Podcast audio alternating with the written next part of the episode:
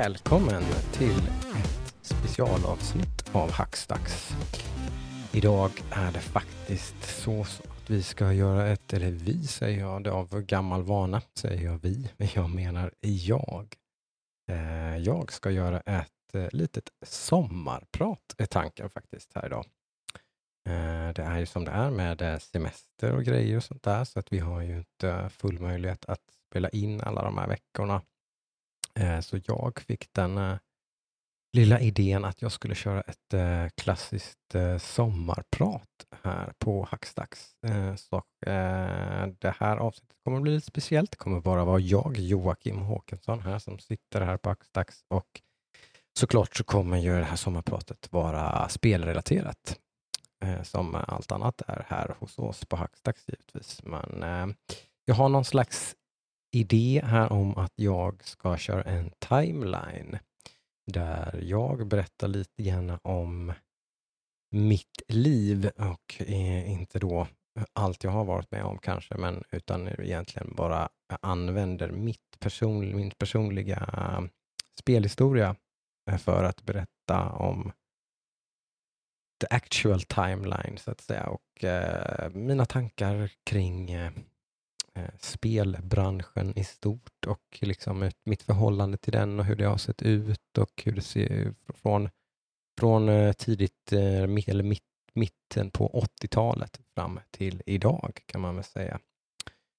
Eh, som sagt, Joakim heter jag ju och eh, har man lyssnat på podden så har man väl ganska bra koll på vem jag är kanske, men eh, lite snabbt ska vi väl säga som så. Jag är född 1981, som man med lite snabb huvudräkning kan räkna ut att jag har hunnit bli 40 år gammal. Känner mig inte som 40 år gammal, men eh, jag är faktiskt det. Och eh, jag har ju då som sagt var inte varit med i på hela spelbranschens historia kan man inte säga då, för att den börjar väl någonstans på 70-talet. Eh, kan man väl säga. Eh, men jag har varit med på större delen av den här eh, branschens eh, hela existens, så att säga. Eh, och eh, som sagt, jag föddes i Eksjö, på Eksjö lasarett i Småland eh, den 29 maj 1981. Och eh, uppvuxen i ett litet samhälle som heter Äng utanför Nässjö, några, alltså en tre och en halv mil ifrån Jönköping, som kanske är en stad som fler känner till och som där vi nu huserar, eh, där vi spelar in den här podden eh, och hemma hos Adam, eh, en av mina co-hosts. Eh, och eh, jag, som sagt, växte upp i ett litet, litet samhälle eh, och jag är ett ensam barn som eh, säkerligen har påverkat lite grann hur mitt eh, spelande sett ut. Sånt där. Man, jag reflekterar över det ibland när man tänker på till exempel när jag ser mina egna barn. Jag har två egna barn idag eh, och lite hur de delar det här intresset med varandra. Eh, och eh, det hade jag ju inte alltid möjlighet att göra. Givetvis så delade jag det med kompisar så småningom, men, men jag har ju spelat väldigt mycket själv Eh, väldigt långa. Jag hade inte föräldrar som var sådär jätteintresserade kanske precis när det var helt nytt. Den första tv-spelskonsolen kom in i vårt hem så fanns det väl ett visst intresse. Eh, men eh, sen har det inte varit något som har, som har fastnat där, utan det är något som jag har burit själv i min familj. Vilket är lite speciellt. Och som säkert, säkert genom den här historien som ni kommer att få höra här kommer ni säkert förstå lite hur det har varit, så att säga. Men eh, som sagt, jag växte upp där och under mina första fem, sex år så kom jag väl inte i så jättemycket kontakt med tv-spel. Jag var ute och sprang i skogen ute i Änger, lilla samhället här på typ ett par, tre hundra personer kanske. Någonting. Eh, där var jag ute i skogen och sprang och eh, mamma fick skrika så högt hon kunde för att överhuvudtaget jag skulle höra där ute i skogen någonstans där jag var och grejade. Eh, så att eh, tv-spel fanns ju inte så mycket på menyn då, tidigt som det kanske då gör för många barn idag. Kanske inte så tidigt som två, tre, fyra år, men 5-6-årsåldern så är det de flesta barn idag upplever jag väldigt bekanta med spelande, åtminstone på typ eh, iPads och grejer och sånt där. Men sen så var det väl så att man upptäckte ju det här lite smått genom till exempel kusinen som var ett par år äldre. Han hade en Commodore 64 som jag var, har många, många, många minnen från där, där man satt väldigt fascinerad. Det var ju liksom direkt in dit man skulle när man kom hem till sina kusiner. Då skulle man ju in i eh, Jonas rum, min kusins rum. Där skulle jag ju in såklart Eh, leka med hans eh, Commodore 64 som då för dig som inte vet var någon slags väldigt tidig, eh, en av de stora tidiga genomslagen av någon slags speldator då, där man hade spel lagrade på kassettband. Väldigt fascinerande teknik faktiskt. Men de, de, man lagrade de datan på eh, kassettband. Alltså jag, jag, nu har jag dålig koll på det här så det får ju kolla upp det här såklart om ni är mer intresserade och nyfikna på, på det där. Men, men jag, som jag kommer ihåg det så var det alltså helt som, som de här klassiska musikkassettbanden. Jag tror det var exakt typ sådana band man hade. Man då spelade in och då för mig att det fanns ganska många spel på ett, ett här kassett och det var ju bara piratande som gällde. Liksom. Jag vet att det fanns ju originalspel men det var inte många som hade det. Det var liksom det var mer eh, det normala var liksom att man hade en massa kopierade spel. Man kopierade och gav till varandra då antar jag. Det är sån här, den här världen innan internet och fildelning och så vidare existerade. Liksom. Så det var inte så att man kunde, man fick liksom, jag vet inte hur man kom över de där spelen riktigt egentligen faktiskt. Uh, sagt, jag, var, jag höll aldrig på med det där själv egentligen. Det var väl lite komplext för mig Eh, på något sätt. Jag, var, som sagt, jag tyckte det var sjukt fascinerande, sjukt roligt att spela på min kusins dator, men det var ingenting som jag tror att jag tjatade så mycket på mina föräldrar om att jag, att jag skulle att jag skulle få en, liksom, en egen Commodore 64. Men däremot så fastnade jag väl, jag kommer faktiskt inte ihåg riktigt hur det här, men jag ville ju ha ett Nintendo eh, i julklapp. Detta måste ha varit julen 87 eller 88, men jag skulle nästan... Svårt att säga alltså. Hur gammal kan jag ha varit egentligen? Men det var nog 88 ändå alltså. Jag var nog blivit sju. Jag, jag, jag ser, ser, mig själv som att jag var lite, inte, gick nog inte i förskolan faktiskt. Jag gick nog i, i eh, typ första klassen, något sånt där. Eh, och det hade man väl också då kanske upptäckt några kompisar som hade, jag vet att det var någon polare som hade ett Sega Master System, men Nintendo var ganska aggressiva, både Nintendo och Sega skulle jag säga var väldigt aggressiva i sitt eh, reklamkampanjande. Så var man i en leksaksbutik så kunde man ju inte undgå det här. Det var mycket reklam. Eh, det, var ganska, det var en ganska härlig, eh, eh rolig, det första konsolkriget liksom upp, eh, var ju där och det var mycket fightande fram och tillbaka. Eh, men eh, jag hade bara ögon för Nintendo där i alla fall. Och eh, mina föräldrar var snälla nog att eh, faktiskt inte riktigt vad den kostade. Det skulle vara intressant att se vad den kostade egentligen, en, en Nintendo 8-bits, Nintendo Entertainment System NES som den hette då som någonstans var väl den som startade hela liksom, eh, mm, konsolrevolutionen eller vad man ska säga. Liksom, den sålde ju i åtskilliga miljoner exemplar. Den var ju obscent populär. Eh, och eh, jag fick i alla fall en sån i julklapp där då, om vi säger att det var 88. Och jag hade väl inte så stor koll. Jag vet att jag fick det, det här, det var inget sånt där paket. Jag tror Super Mario hade ju kommit, men det var liksom inte paketerat med den här. Jag fick det väldigt tidigt sen, tror jag. Kan, kan vara kommande födelsedag sen då, så 29 maj 89 kanske. Fick jag väl mitt Super Mario, men innan dess så fick jag nöja mig med två spel. Och det var Ice Hockey och det här är svårt att uttala. Xivius. Kan det heta så? Det var i alla fall, Ice Hockey är det här klassiska Nintendos egna, tror jag, egenproducerade hockeyspel med Eh, väldigt arkadig hockey, hockey approach med tre olika små gubbar. Eh, eh, som en är pytteliten och snabb, en är mittemellan allround och en är stor och tjock och stark. Och typ. Men om de sköt olika hårt med, det gjorde de nog. Eh, hur som helst så spelade jag ju både detta och Sivius då som var en arkad, eh, sånt där shooter, typ eh, shoot em up med eh, rymdskepp och grejer. Eh, som jag envist forcerade mig fram igenom. Sjukt jäkla svårt spel alltså. Som så många spel från den här eran är, var det ju otroligt svårt och oförlåtande och man hade väl kanske sina tre liv kan jag tänka mig, någonting sånt där. Och så så då sen, that was it liksom. Eh, men eh, där byggde man ju upp någon slags tålamod och resilience liksom och utan, eh, som inte riktigt saknade som saknade motstycke kan man säga. För det, det, alla spel var svåra och komplicerade och eh, oförlåtande. Eller alla, men många spel var ju det på den tiden. Så man blev ju väldigt luttrad i alla fall. kan man väl säga. Jag skaffade ju sen Super Mario då.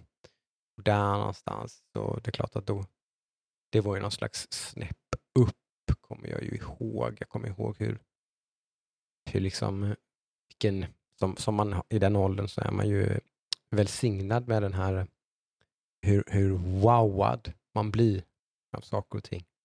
Det blev man ju definitivt av Super Mario Bros. Eh, det var ju liksom mind-blowing.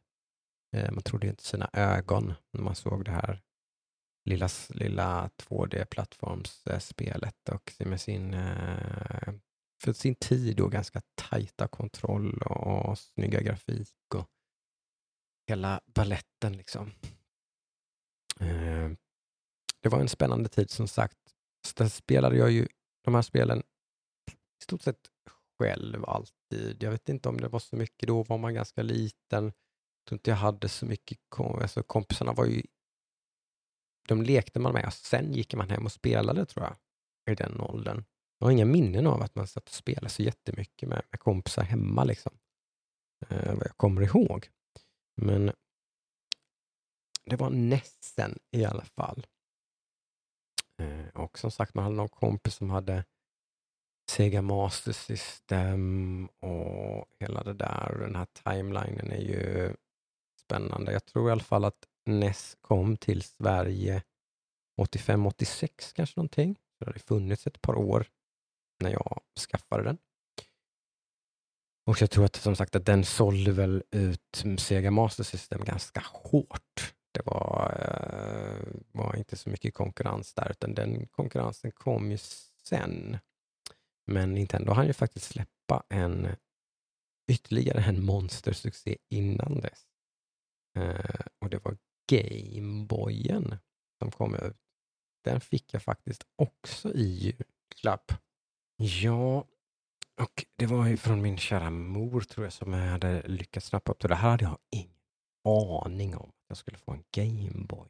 Det var liksom, jag tror inte ens jag visste att den fanns. Eh, hade kanske lite koll. Jag hade börjat, det kom ju den här härliga lilla Nintendo-klubben är ganska känd i Sverige. Eh, Berg, utgick från Bergsala. Man startade en klubb där man fick ett litet pappersblad inte varje månad kanske, men någon gång i kvartalet eller någonting så fick man ett litet nyhetsbrev liksom, i form av ett eh, pappersblad. Och man tror de hade, de hade till och med en hotline där man kunde ringa in och få hjälp i olika spel och grejer. Så där. Det var ja, väldigt fascinerande. Eh, och eh, hur som helst så fick jag en Gameboy i julklapp sen i alla fall. Eh, och jag tror inte att det här var det, jo det var, jag hade, det var Tetris till. Jag tror det var det enda spelet jag fick till. Eh, och den, då var ju nästa, då började det här med handheld gaming. Liksom. Som senare i min spelkarriär, något som jag aldrig riktigt har fastnat för, men då klart så fastnade jag för det. För den här kunde man ha med sig till farmor och eh, till skolan kanske till och med och, och liksom allt sånt där. Det var ju sjukt fascinerande. Ganska otymplig, stor, klumpig grej, men fine. Det var kul med bärbart då. Som sagt någonting som jag har haft svårt för sen eh, längre fram i mitt, eh, i mitt spelande. Just att spela bärbart. Jag vet inte riktigt. Eh, det, det känns som en inferior experience på något sätt. Jag spelar aldrig på mobiltelefon, det kan jag skriva säga i alla fall.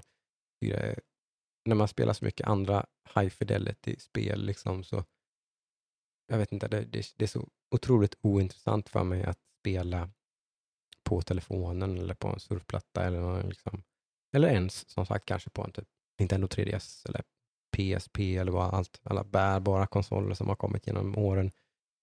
Inte varit så intressant för mig så småningom, men den här älskade jag ju. Framförallt så kom jag varma minnen av Link's Awakening såklart och uh, Final Fantasy Mystic Quest som då är Seiken Densetsu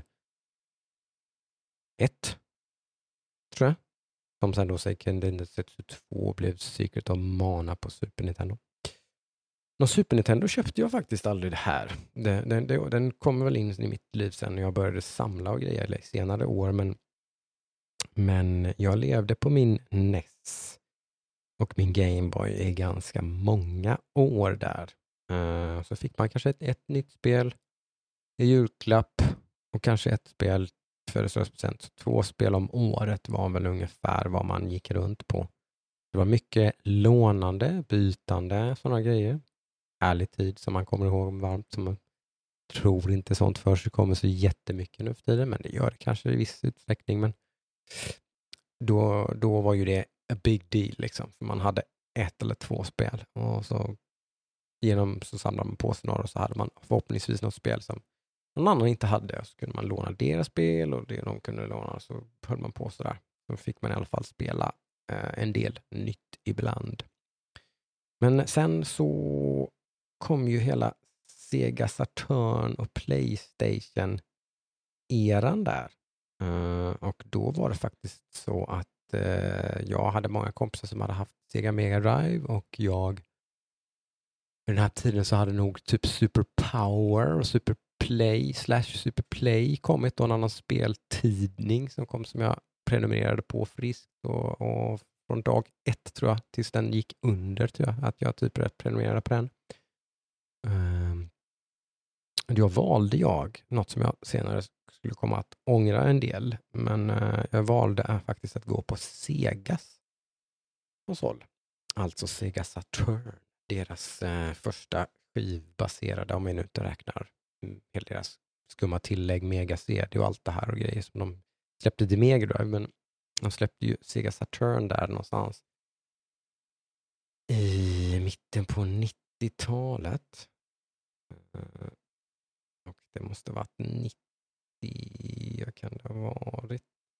95 kanske? Playstation kom 95 vet jag. Kan det ha varit då Sega Saturn också kom kanske? Hur som helst så fick jag en Sega Saturn och det var ju en annorlunda upplevelse. Eh, det fanns ju en hel del coola spel. Alla Segas då som var extremt stora på arkad på den här tiden. Arkad som i alltså arkadspel. Du vet, är man, är man ung lyssnare så vet man knappt vad det är för någonting, tänker jag. Men det var ju, på den här tiden så fanns det ju till och med, som i typ Jönköping till exempel, där jag kommer ifrån, så fanns det ju som små arkadhallar med spel och grejer där man liksom stoppade i en peng och fick spela någon, några minuter. Eh, typ Sega Rally och Virtua Fighter och liksom allt sånt där.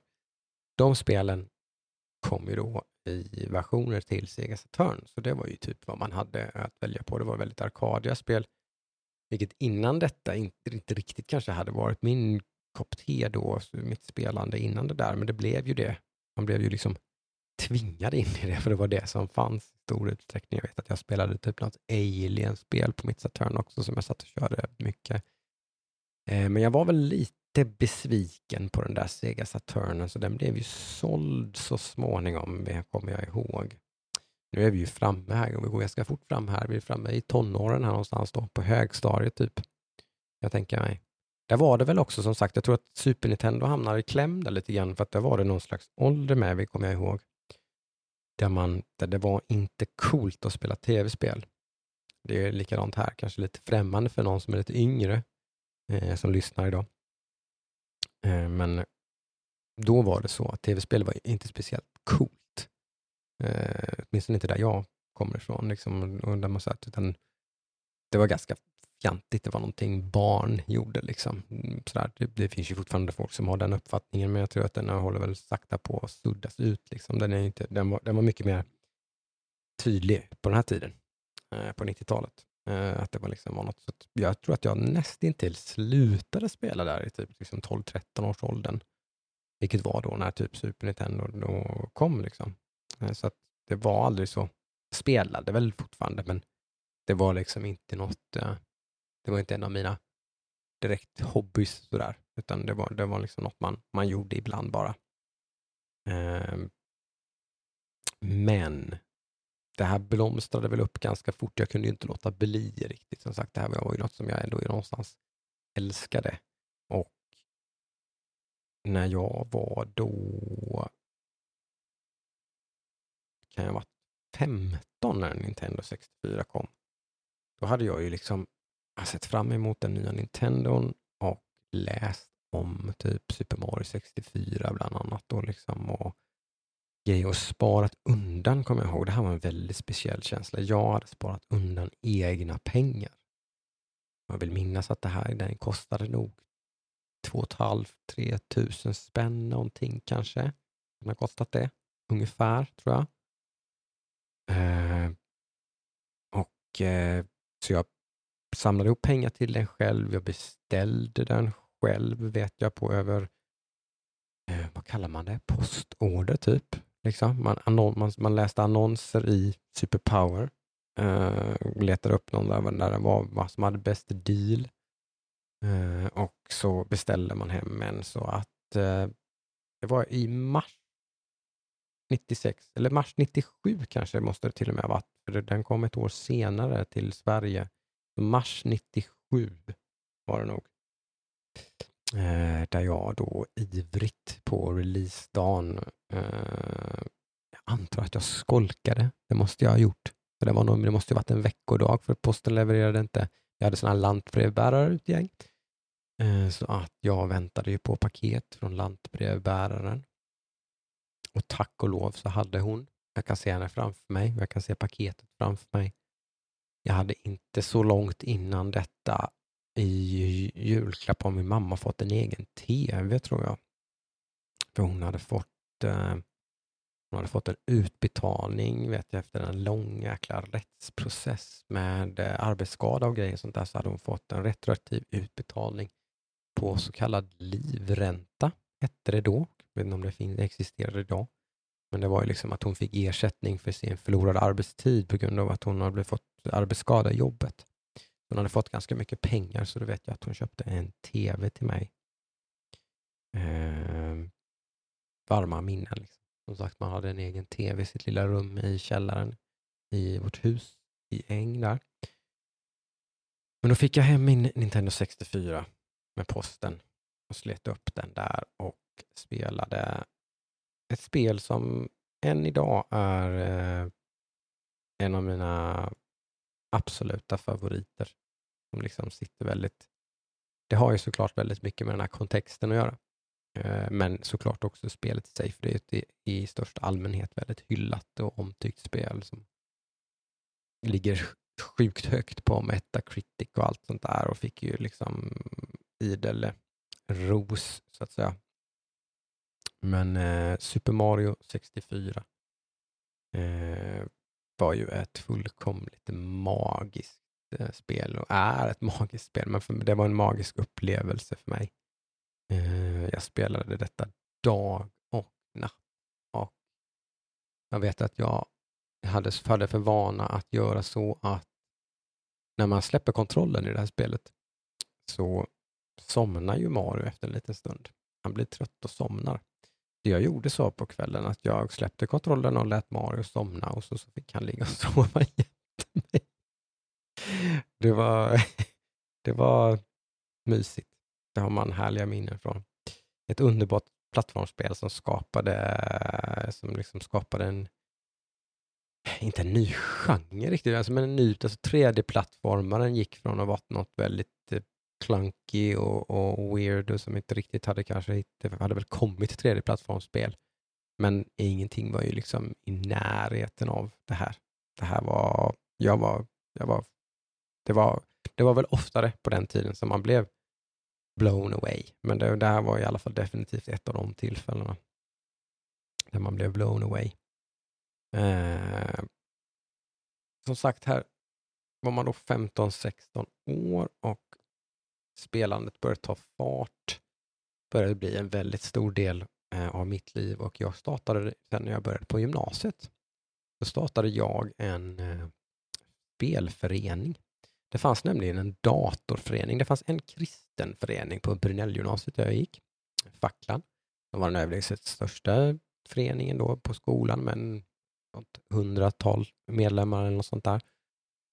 Och eh, så fanns det Ataraxi eh, som också var en förening, det var en datorförening som sagt och de hade en egen liten lokal på skolan. Så där, som typ, typ tänkte jag så här, shit vad coolt. Eh, men datorer är töntigt, tyckte jag då. Ehm, det tyckte jag inte senare sen. Det tycker jag inte nu för tiden. Det har blivit en väldigt, en annan väldigt stort intresse för mig så småningom. Men eh, till en början så var konsoler var balla och datorer var töntiga. Eh, och vi, då ville jag, slash vi, vi och jag och mina kära vänner som älskade tv-spel, tänkte att vi måste starta en förening. Eh, och vi måste också ha en lokal. Eh, att helt utan skrupler så gjorde vi det och jag vet att jag var otroligt involverad i det här och startade förening med och liksom registrerade detta hos eh, Sverok som finns än, än idag tror jag. Eh, som är ett, uh, där man, alltså ett, uh, vad det kallas? Typ studieförbund eller någonting eller vad, vad kallas det egentligen? ett hobbyförbund där man, där man liksom kunde, som kunde starta förening genom Verok och få bidrag. Det är ett ungdomsförbund då, som främjar liksom,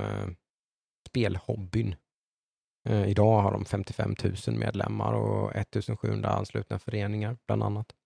Eh, och eh, det fanns som sagt där när jag gick i skolan i slutet på 90-talet då, eller skolan på gymnasiet.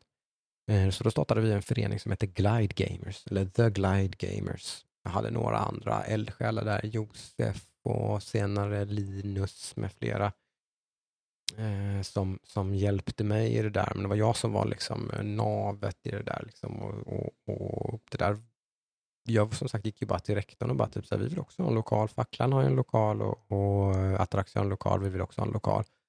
Eh, så det ordnade de. Det var inget konstigt. Vi fick bo i något skyddsrum där de förvarade med massa annat eh, bröte. Liksom. Eh, det hade inte fått plats så många där om bomberna hade fallit. Som tur var så var det inget eh, krig där på slutet på 90-talet. För hela, eller hela, hela det här skyddsrummet var ju fullt av eh, skolmaterial och gamla skolbänkar och grejer. Så det var bara att riva ut lite skit där och så fick vi eh, husera där. Eh, och vi gjorde som så att vi tog medlemsavgift, 20 kronor i månaden från varje medlem och då kanske i början kanske vi var 20-30 stycken eller någonting kan jag tänka mig. Men rackade ju in lite pengar lite snabbt där så vi gick och köpte soffor på loppma, loppis och Eh, sen så, så småningom när vi rackade in mer pengar så köpte vi, eller köpte, vi hyrde tv-apparater från Torn. Finns inte längre, men då, då kunde det, för Torn var så här ställe som hyrde ut eh, hemelektronik. Kunde hyra en dator, kunde hyra en tv. Så vidare, så där, för vi hade inte pengar, liksom, skulle vi köpa en tv så fick man vänta i samla ihop medlemsavgifter i typ ett och ett halvt år och sen, sen köpa då. Eh, utan vi hyrde. Eh, I, det långa loppet var det en sjuk, sjukt dålig affär, men det var det, lite snabbt där smidigt, alltså, så gick det ju, var det enkelt. Vi hyrde först en, sen två och till slut tror jag vi hade tre tv-apparater. Eh, tre soffor, tre tv-apparater, något litet kryp in med en säng under ett skrivbord och grejer. Sådär. Inget bra för eh, så att säga. Det blir mer och mer skolkande i och med de här grejerna, tyvärr, tyvärr. Eh, men det var, det var en fristad. Det var en härlig social upplevelse man hade där med, med kompisar och grejer där vi, där vi spelade hela dagarna emellanåt. Som sagt, det gick inte på våra, våra uh, lektioner alltid. Ibland såklart gjorde man det, men oftast fastnade man hos The Glad Gamers och satt och spelade tv-spel istället. Eh, och där någonstans kom väl Dreamcasten, för det har jag väldigt mycket minnen av att vi spelade väldigt mycket Dreamcast alltså. Eh, och kanske PS, Playstation 1, Playstation 2 någonting då med var väl, hade, nej Playstation 2 han knappt komma, den kom 2000 tror jag. Men den fanns inte där, det var, det var Playstation 1 och Nintendo 64 gick varmt och så var det Dreamcasten, Segas sista hurra innan de droppade ur spelbranschen där. Det var deras sista konsol som de fick ur sig i slutet på 90-talet. En fantastisk konsol tycker jag. Den gjorde lite grann det här Sega Saturn gjorde fast det gjorde det eh, väldigt mycket bättre på något sätt. Eh, mycket mer. Den hade så otroligt många arkadspel. Eh, och det var ju såklart en speltyp som kanske passade lite bättre då. Inte i en speltyp som inte passade mig så bra i mitt lilla rum i Äng, men det passade ju fantastiskt bra i en spelföreningslokal på ett gymnasium där man då kunde, jag vet att vi ställde upp tv-apparater högt upp på byråer och grejer och spelade typ House of the Dead med två stycken light guns. Vi satt och spelade väldigt mycket Soul Calibur, um, fighting-spel med vapen.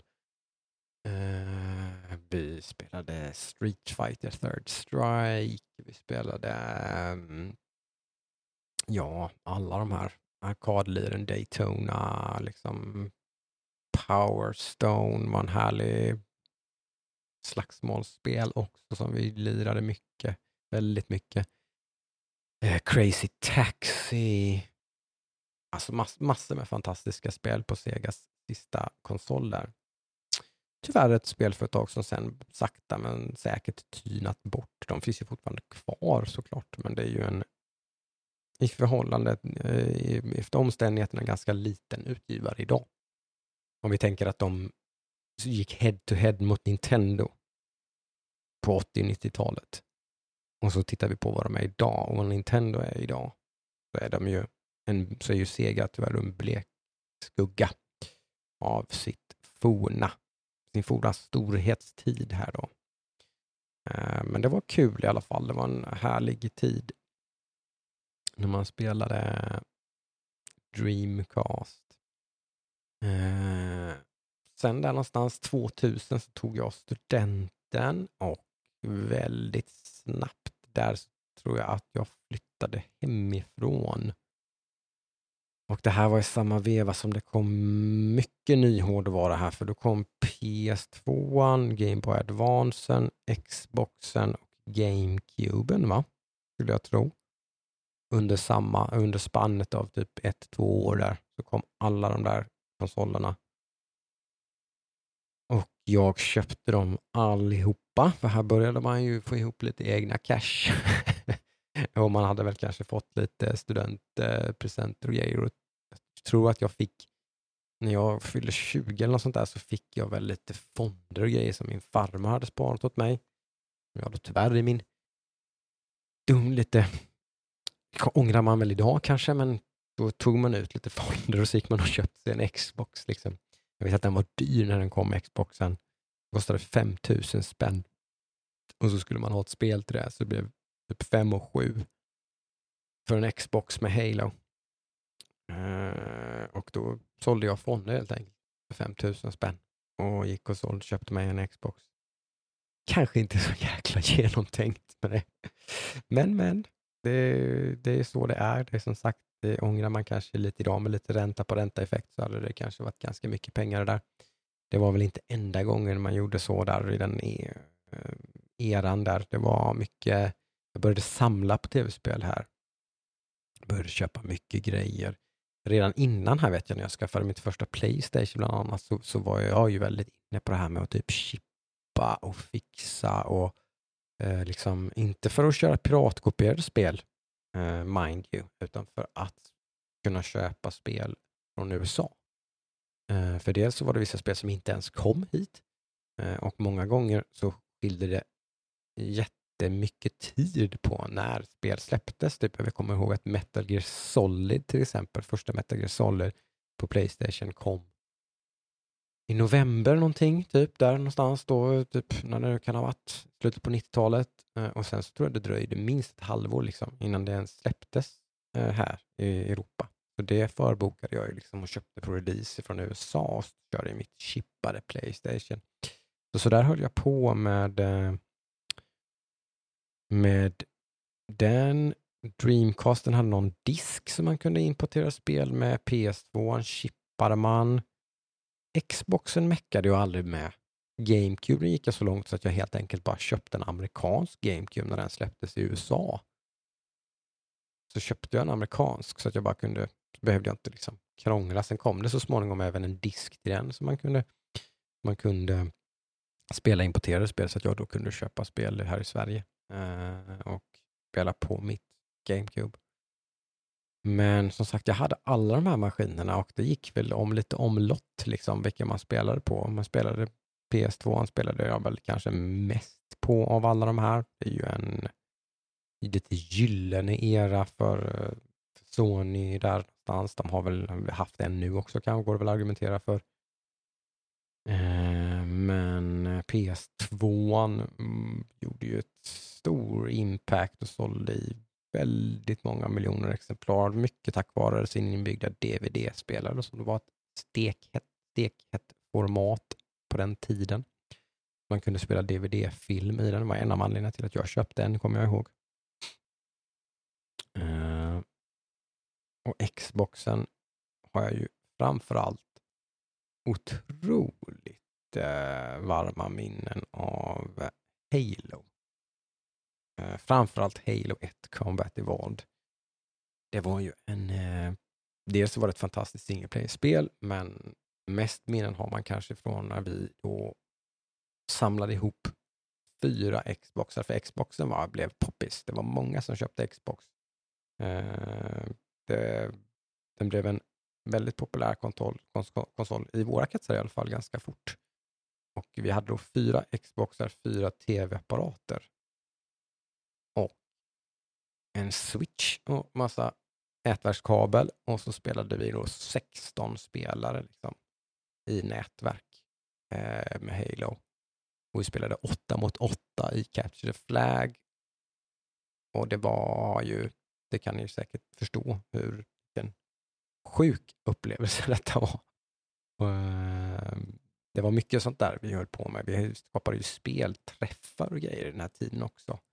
Eh, det var så, jag höll på att säga att det var så jag lärde känna Ludde, för, men det var det inte. Men Ludde, som är min, den andra co-hosten här på Hackstacks, eh, var ju faktiskt på en av våra sådana här, jag tror vi kallade det för XS Gaming, extrem standard gaming kallade vi det och då hade vi som stora träffar där vi hyrde stora lokaler och hade typ turneringar och grejer och sånt där och i Nässjö där jag har eh, spenderat mycket tid då.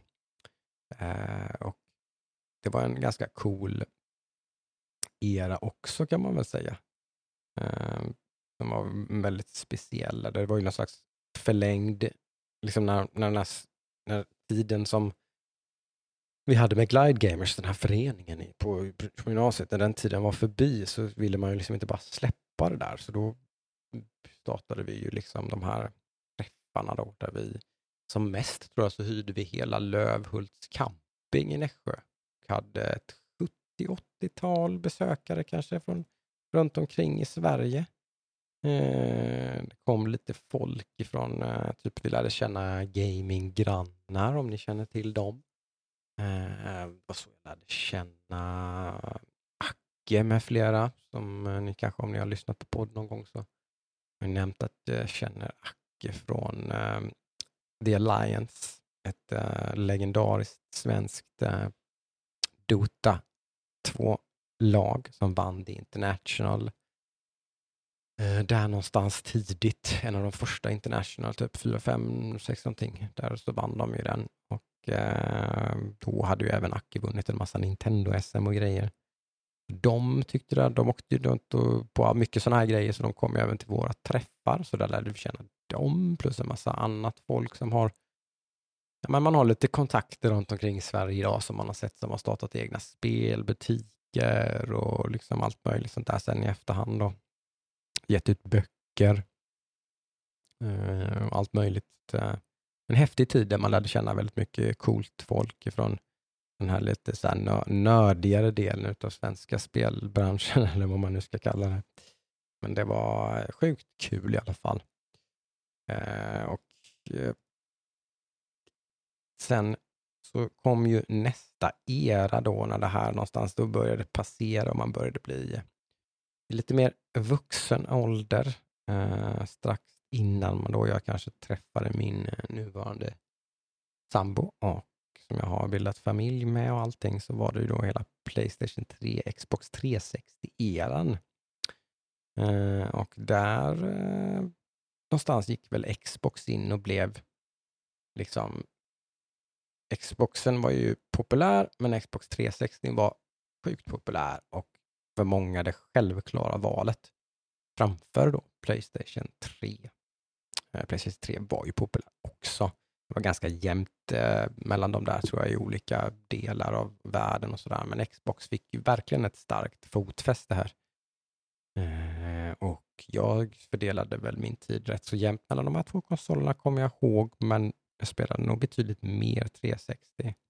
Det är den här klassiska effekten som vi har pratat om här ibland, att det blir sådär att jag köper en Xbox, min kompis köper en Xbox och sen blir ju Xbox det vi spelar och då håller man sig mest på den plattformen som att det är där man har sina vänner och så vidare. Så att det blev mycket Xbox under den här perioden eh, faktiskt. Eh, sen, som ni kanske känner till, så gjorde ju Microsoft eh, eh en lite PR-blunder där någon gång Eh, när de skulle lansera sin nästa konsol och som är den förra generationens konsol. En, en generation som fortfarande lever i allra högsta grad. För det är många som fortfarande inte har några Playstation 5 eller Xbox Series X-maskiner och sådär. Men de, när de skulle lansera sin Xbox One eh, där så, så trampade de ju rätt så rejält i klaveret med sin presentation och där de skulle göra detta till en TV-box.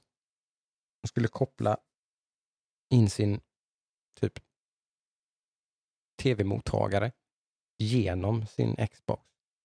Göra det skulle bli navet i hem, hemunderhållnings eh, grejen liksom. Och det blev ju en, eh, ett platt fall kan man väl säga när Playstation då pushade helt i andra riktningen med spel, spel, spel, spel, spel, spel, spel, spel, spel, spel, spel. Eh, och PS4 blev ju då total dominant under den här eh, det här kons sist, kanske sista konsolkriget. Jag tror inte att vi kan kalla det här som vi har, som vi har nu för något konsolkrig längre.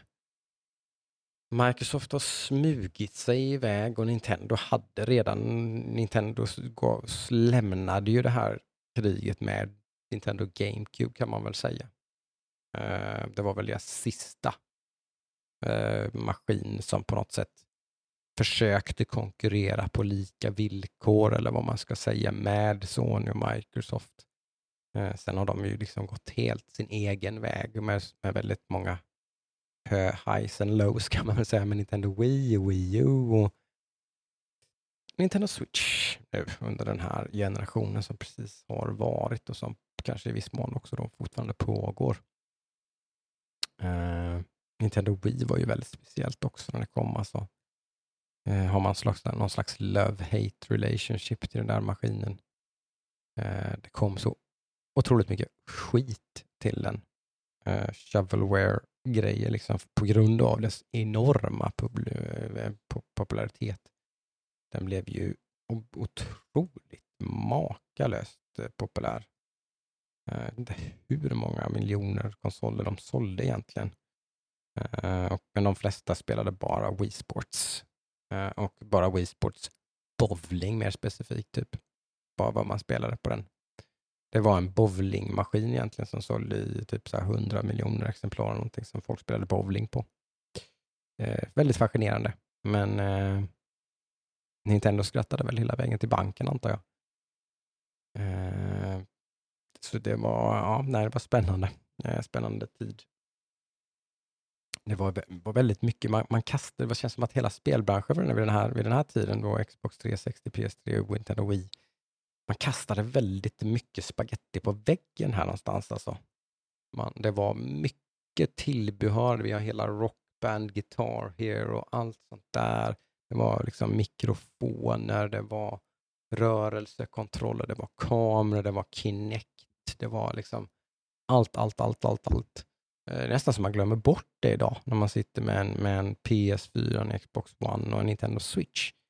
Det är ju, här har man ju liksom tagit ett stort kliv tillbaks från allt det här. Det finns ju tillbehör grejer sådär, men det, det känns som att man har, man har insett att man inte kan komplicera saker för mycket. Man vill hålla det ganska basic. Så idag är det ju mer liksom köpa en konsol och spela på en tv. Den ska spela tv-spel, möjligtvis kanske lite Netflix, Spotify eller något sånt där. Men jag vet inte hur många använder det egentligen. Jag använder aldrig det. Jag vet inte. Det finns ju så otroligt mycket enklare sätt. Och, men det kanske finns jättemånga. Det är kanske jag som är eh, i någon slags minoritet som, som aldrig riktigt har, bara, varför, ska jag, varför ska jag titta på Netflix och grejer genom min, min Xbox? Liksom? Det är ju bara ett, det är ett ganska klumpigt eh, system att navigera. Liksom. Om jag ska söka efter Scrubs, liksom, så det är bara nej, nej tack. det är bara jätte, jättekomplicerat. Sådär. Men det där var ju en väldigt relativt snabb genomgång av från Nintendo 8-bits på 80-talet till dags dato där vi då är inne i någon slags, jag tror att man i timeline-grejer så kallar man det här för den typ sjunde generationen tror jag, eller något sånt där. Eh, vill jag minnas. Vi är inne i, i, nej, generation 8 är vi nog inne i nu då. Förresten. Generation 8 är vi inne i eh, med eh, Playstation 4, Xbox One och så vidare. Då, då generation 1 är liksom eh, hela, eh, vad heter alla de här, Atari och hela grejerna då. Generation 2 är fram tills... Nintendo 8-bits kan man säga. Sen generation 3 då 8-bits och Master System, generation 4 med Sega Mega Drive och Super Nintendo Game Boy. Generation 5 är eh, Playstation och Nintendo 64 framför allt kanske då. Och sen har vi då PS2, Xbox, GameCube, generation 6, generation 7 är Xbox 360, Playstation 3 och Nintendo Wii. Och generation 8 som vi nu håller, håller på går över i generation 9 nu då egentligen, va? Blir det då, eller hur? PS4, PS5, Xbox One, Xbox Series X. Ah, dåligt namn. De kunde ha kommit på något helt annat. Varför döpte de den till Xbox Series X? Jag fattar ju vad de, de det är ju någon slags, jag vet inte, vad, vad ska de kalla nästa liksom? Ja, jag vet, nej, jag vet, konstigt, konstigt, konstigt. Eh, nu har man ju såklart lyxen av att ha ett heltidsjobb och pengar och sådär. Och jag prioriterar ju spel ganska högt. Så att jag har ju en Xbox Series X, en Nintendo Switch och en PS5 faktiskt. Så att jag är helt inne i den nionde generationen eh, av konsoler. Eh, och som sagt, konsolkriget är ju dött i mina ögon i alla fall, lite grann. För man spelar ju på, man har lite, lite medvetet antar jag, så har man liksom gått och lagt sig i varsitt segment lite grann. Nintendo går sin egen väg med sina egna spel och sin egen, sitt eget format. Liksom. Inte, de är liksom lite på något sätt vid, vid sidan om liksom, på något sätt. De, de går i sin egen, de kör i sin egen fil här jämte. Eh, Medan då kanske då Microsoft och, och, Sony kör väl på samma motorväg, liksom, men de, har, de håller på liksom Microsoft kör ju hela Game Pass-grejen. Eh, och det känns som att det är det de satsar allting på. Jag tror inte de är så superbrydda med hur många Xbox Series X och S-konsoler de säljer. Eller inte säljer. Eh, medan Sony då har alla ägg i en korg egentligen där då. Eh, och såklart hoppas att de ska fortsätta sin eh, succé och behålla sitt momentum som man har byggt upp med Playstation 4 med alla exklusiva spel, framförallt single player-spel egentligen. eh, som man hade under hela den generationen. Så det hoppas man kunna fortsätta med med Playstation 5 som lever får se. Vi vet inte det än. Det känns lite halvskakigt för Sony just nu. De har liksom inte gått ut med någonting. Väldigt skumma, skum, skum PR från Sony tycker jag. Eh, där man håller tyst, kanske väldigt medvetet eller så har man inte så mycket att visa. Jag vet inte. Det är ju intressant att se. Men datorns roll genom allt det här, den har ju någonstans varit med här genom hela det här egentligen då. Eh, och det började väl som så att eh, jag, det var ju hela den här MPC-crazen som hände någonstans i Sverige som enligt mig och många andra förmodligen är en av de största, största bidragande faktorerna till varför Sverige är lite av ett IT-powerhouse, liksom, med mycket eh, stark spelutveckling, stark IT, liksom ligger frontlinjen vad gäller IT och, och den utvecklingen. sådär liksom. för, för storleken på landet så är vi ju top tier liksom, i världen kan man väl säga. Eh, per capita, liksom, Eh, i hur mycket som kommer härifrån. Och så där. Så, och det tror jag är en starkt bidragande orsak. Det är den här hem-PCn som man då lanserade, eh, där man fick en som skattefri löneförmån fick man ta ut en dator. eh, någon gång på 90-talet måste det ju vara då. När kan det ha varit? Hem-PCn alltså. Jag, mamma fick ju en sån här genom sitt jobb. Det kommer jag ju ihåg. Hem-PC-reformen. Skattefritt Den infördes 97 var det. Så det måste varit där någonstans. 98, 99 kanske någonting så fick vi väl våran dator.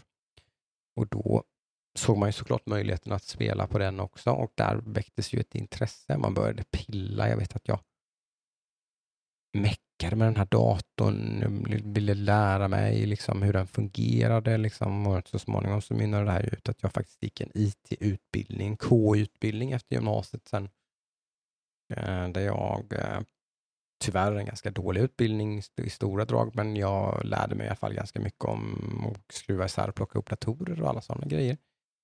Sen höll man ju på med det och har hållit på med det någonstans parallellt med konsolspelandet. Uh, bitvis har det varit det enda jag spelat på uh, och nu är det väl som sagt går det lite i vågor kan man väl säga. Uh, nu när det kommer nya konsoler så har det blivit mycket konsolspelande men annars så överlag så är det väl mest PC. Mitt i hela den här vevan i alla fall så fick jag ju barn här i alla fall. Någonstans då 2013 föddes min son Nemo och 2015 föddes min dotter Nomi. Så nu är ju de en stor del i mitt spelintresse. Liksom. Nu spelas det ju såklart en del på egen hand, en del med vänner och vi har ju hela vår Hackstacks, vår podd här som man pratar spel om i varje vecka, men det blir ju såklart en hel del spelande dem emellan som man observerar passivt, men alltså vad de spelar. De spelar Minecraft och Roblox och grejer. Eh, de, eh, deras kompisar blir väldigt fascinerade när de kommer hem eh, och inser att de har egna datorer, eller ja, min son har en egen dator och jag har ju en dator, så det finns ju två datorer man kan sitta jämte varandra och spela. Det är ju lite så här mind-blowing för många av Nemos kompisar när de kommer hem till oss. Ganska roligt att se hur de liksom, de tror inte honom när han säger att det är hans dator. Liksom. De tänker att de, de säger att han ljuger och så kommer de och frågar mig. Och, liksom, är det Nymos dator? Det är det väl inte? Va? Så, jo, det, det är hans egen dator. Då blir de lite så fascinerande. Eh, för spelandet märker jag ju i, i den här eh, unga generationen då. Min son är ju nu då sju, fyller åtta. Den går ju första klass, ska börja andra klass eh, till hösten då. Eh, för dem är ju tv-spel väldigt mycket Youtube, eh, väldigt mycket Twitch eh, och sitt eget spelande är kanske då mer kanske någon eh, Xbox eller PS3 eller PS4, alltså någon konsol, någon där som någon pappa eller mamma köpte någonting, men oftast kanske bara en iPad eller något liknande, om ens det. If they're lucky har de en iPad, är det otur så har de ju någon billig Android-platta som, som barnen liksom på tal om tålamodet hos barn, liksom, då sitter ju liksom de här sju, åttaåringar, Nemos kompisar och, och spelar Roblox på en trött, seg Android-platta från fyra år tillbaka. Eller någonting. Det är otroligt fascinerande att se. Det är, det är liksom lite jämförbart med ens egen tålamod med de här svåra, oförlåtande spelen som, som man själv spelade. Eh, så på sätt och vis kan man förstå att de spelar Roblox. De här, för det är så här, det är knappt så att de är så förlåtande de här spelen så att man, det är knappt man behöver göra någonting. Det finns egentligen ingen, så här, det är mer som en sandlåda som man leker i. Eh, ställer inte så stora krav. Uh, det kan man nästan förstå. Det insåg jag nu när jag pratar om det. Jag har inte tänkt på det förut faktiskt. Men det, det, det är rätt fascinerande att se i alla fall hur de, hur de upplever gaming och sådär. Eh, min son har ju börjat streama lite nu till exempel och tycker det är extremt eh, kul, för han har ju pratat om att han ska bli youtuber och grejer. Och sånt där, så han är ju väldigt, eh, han är väl kanske lite yngsta laget för att hålla på med det här. Han liksom, jag har försökt att vara lite återhållsam, men han får ju testa ibland. Han vill ju streama jämt, men det får bli någon gång ibland sådär, för att han, eh, han blir väldigt uppe i det och blir lite besviken och sådär och sånt. Och, när, när han, och han, det är svårt att ge honom kritik, för han, eh, jag vet inte, han, ja, det är lite lurigt det där. Men eh, det är ju kul att växa upp med barn som har spelintresse och det är en utmaning att eh, moderera hur mycket, lite man ska spela när man själv vet hur det var när man själv var liten och eh, hur mycket man själv spelar emellanåt och sådär. Så det är en eh, balansgång som inte alltid är helt enkel. Men eh, jag resonerar väl personligen som så att sköter man eh, kost, motion, läxor, eh, socialt umgänge, liksom alla sådana här bitar och, och sånt. Så vad man gör med övrig tid, liksom det, jag tror inte det är så jättefarligt om man sitter lite kaninöron för mycket liksom, och spelar och sådär. Det var jag tror. Jag tror inte det gjorde så jättestor skada på mig i alla fall. Jag spelade nog alldeles för mycket i många perioder av mitt liv. Eh, kanske att man, just att man använder det som väldigt mycket eskapism kanske för min egen del. Alltså verklighetsflykt sådär. Jag hade ganska jobbiga år, lite yngre föräldrar som skilde sig och eh, vilket i sin tur ledde till skakig skolgång och allt det där och mycket skolk och prylar och liksom, ja, men ganska ja, stökig period.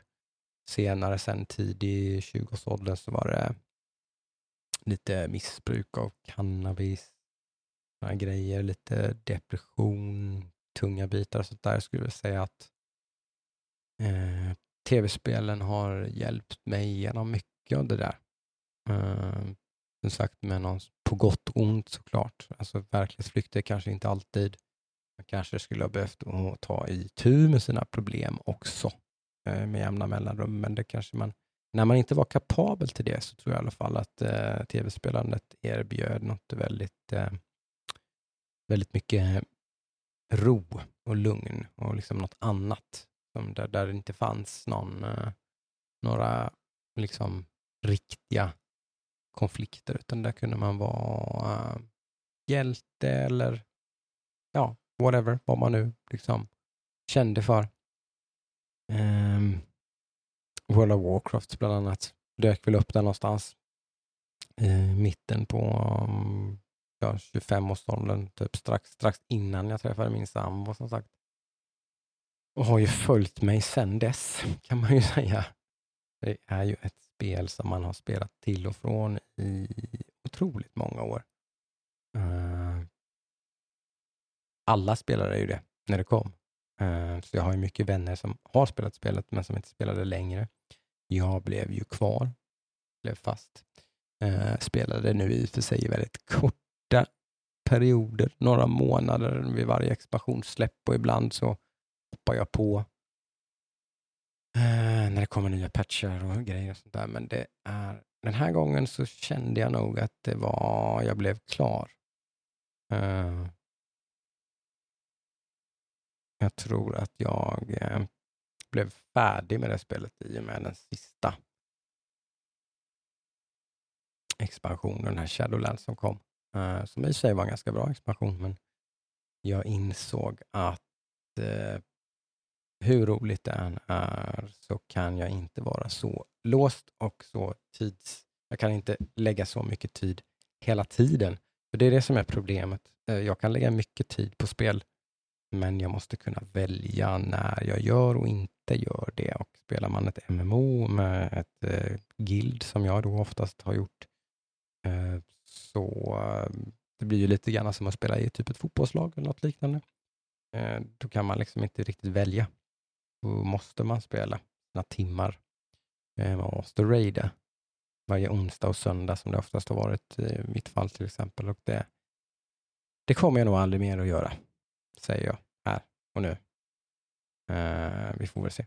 Det är inte så att jag stänger den dörren helt, men uh, jag tror inte det. Inte som läget ser ut nu. Uh, inte om jag ska kunna ha en hälsosam och frodande relation till min sambo och eh, mina barn och hela den här biten. Det tar lite för mycket från det där, tror jag. Man måste eh, prioritera ibland. Eh, jag har nog prioriterat det där spelet lite för högt i vissa perioder av mitt spelliv, så att säga.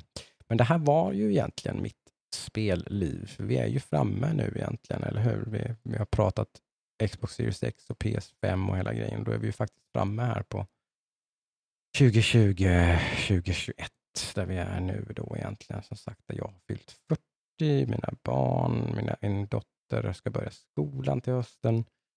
Min son ska börja tvåan. Eh, och eh, det är väl eh, en härlig tid att vara gamer, tycker jag i alla fall. Eh, nyss lyssnar ni på podden så vet ni väl att jag oftast är ganska optimistisk, glad, pepp. Eh, tycker att det kommer mycket kul spel, roliga spel. Jag spel, har, mitt spelintresse har knappast dalat, snarare tvärtom. Mycket tack vare podden här på Hackstack såklart.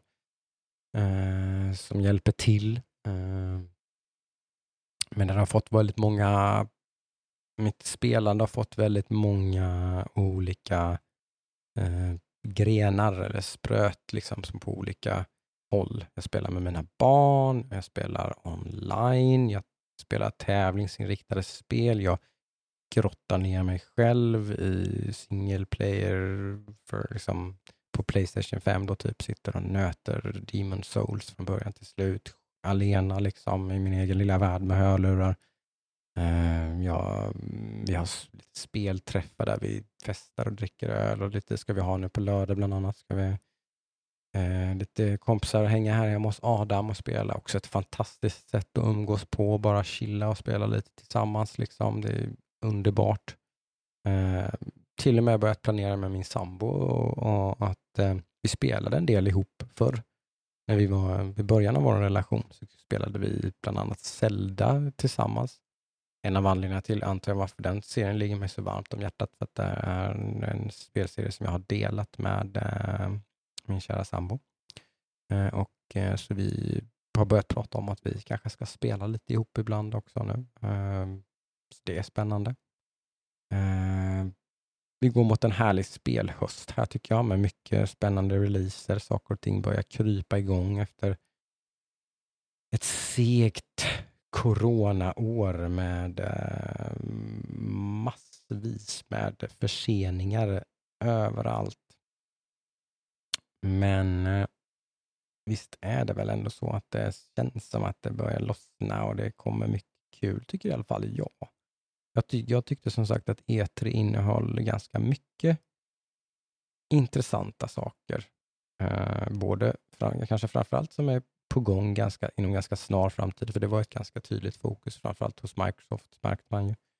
Eh, men även grejer som kommer lite längre fram. Jag tror framförallt att 2022, 2023 kommer att bli helt sjuka år.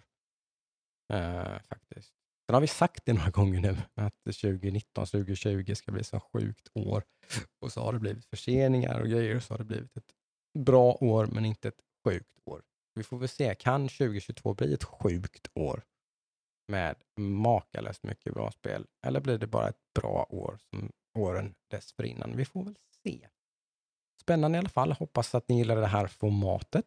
Eh, så får vi se om vi återkommer med fler sådana här eller, om, eh, eller hur det blir veckan efter denna. Att det blir något mer traditionellt eller någonting annat eller kanske någon liten intervju med med någon annan spännande gäst. Vi kan ha lite alla möjliga idéer på. Som sagt, ni får hålla till godo med lite specialavsnitt och så får vi se när nästa riktiga avsnitt, den här säsong tre kanske vi ska kalla det. här har Ludde bättre koll på, men när, när den riktiga säsongen drar igång igen någon gång, kanske i uh, augusti, vill jag gissa, så får ni hålla till godo till dess med lite specialare som denna.